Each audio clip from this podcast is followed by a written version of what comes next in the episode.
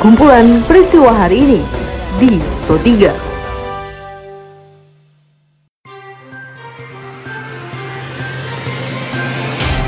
Halo pendengar, selamat berjumpa kembali di podcast Pro 3 RRI. Seperti biasa, pada podcast kali ini saya akan mengulas isu-isu aktual yang masih hangat atau ramai diperbincangkan di sekitar kita. Tentu saja pendengar, nanti akan ada cuplikan informasi dari reporter kami. Bersama saya Karisma Rizky, inilah kumpulan peristiwa Pro 3 di ruang dengar podcast Anda. Dan pendengar sebelum saya masuk ke dalam beberapa isu aktual yang akan saya hadirkan sesaat lagi, saya akan mengundang Anda untuk mampir ke laman berita kami di rri.co.id. Anda juga bisa follow dan berkomentar di sosial media kami di Instagram, Twitter, dan Facebook dengan mengetik at RRI Programa 3 di kolom pencarian Anda.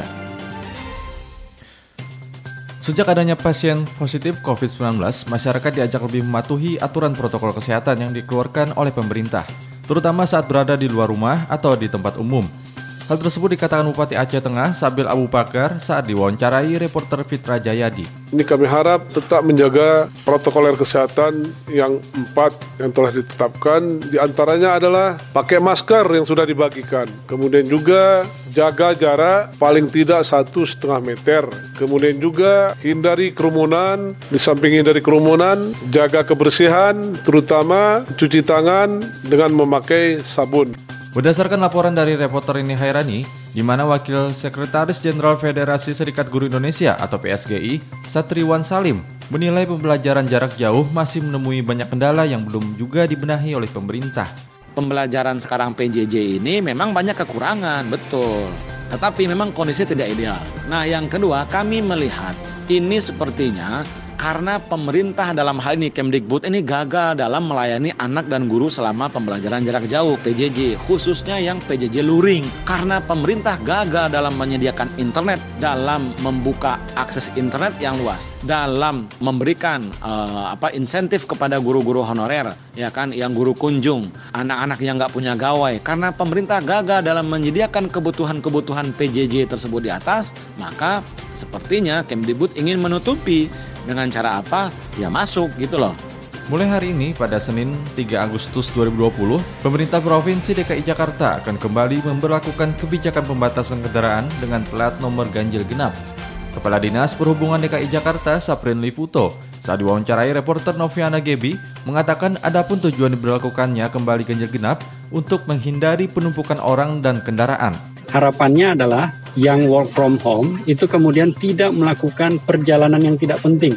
Dia tetap di rumah. Kenapa? Karena misalnya nomornya ganjil, oh saya tanggal ganjil lebih baik saya tetap di rumah tidak um, akan bergerak. Harapannya dengan pola ini tentu kita harapkan volume lalu lintas turun dan yang paling utama adalah tidak adanya penumpukan di pusat-pusat kegiatan atau tempat keramaian karena adanya pergerakan orang yang tidak penting.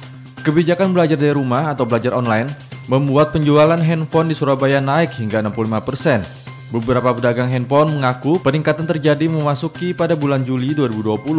Salah seorang pemilik gerai HP di Sidoarjo, Sony Sunarko, saat diwawancarai reporter Ermina Jain, mengakui dengan kenaikan penjualan ini diikuti dengan penawaran berbagai promo untuk para pembelinya. Penjualan handphone itu ada peningkatan sekitar 65%. Kemudian untuk aksesoris dan lain sebagainya saat ini yang dibutuhkan itu e, kayak tripod karena mereka membutuhkan agar supaya bisa menaruh HP pada saat ketika dia zoom seperti itu. Harga sekitar kurang lebih 2 juta ya. 2 juta 1,8 itu sudah dapat berapa. Jadi e, peningkatan itu tidak juga tidak juga mahal tapi murah dengan harga-harga seperti itu. Dikutip dalam pelaporan reporter Audi Kandores, Wali Kota Sulawesi Utara, Vicky Lumentut, menjelaskan sulit bagi pemerintah terus mengekang masyarakat di rumah seiring pemberlakuan tatanan kehidupan baru oleh pemerintah pusat. Meskipun diterpa pandemi COVID-19, pertumbuhan ekonomi Sulawesi Utara di semester pertama 2020 masih positif. Harus dicarikan solusi antara kesehatan dan ekonomi. Kalau kita terus mengedepankan kesehatan, ekonomi kita akan makin terpuruk. Tapi kalau kita mau mengutamakan ekonomi, jangan kesehatan ini menjadi makin terpuruk cari titik tengah. Dan pendengar informasi tadi mengakhiri perjumpaan kita pada podcast edisi hari ini. Dengarkan terus podcast edisi hari ini dan hari lainnya di Spotify dengan hanya mengetik Pro 3 RRI di kolom pencarian Anda. Dan pendengar tetaplah menjaga jarak, ikuti protokol kesehatan dengan baik dan teruslah mengikuti berita terupdate di Pro 3 RRI. Saya Karisma Rizky, undur diri. Sampai jumpa. Jalanan ibu kota DKI Jakarta masih Kumpulan peristiwa hari ini di Pro 3.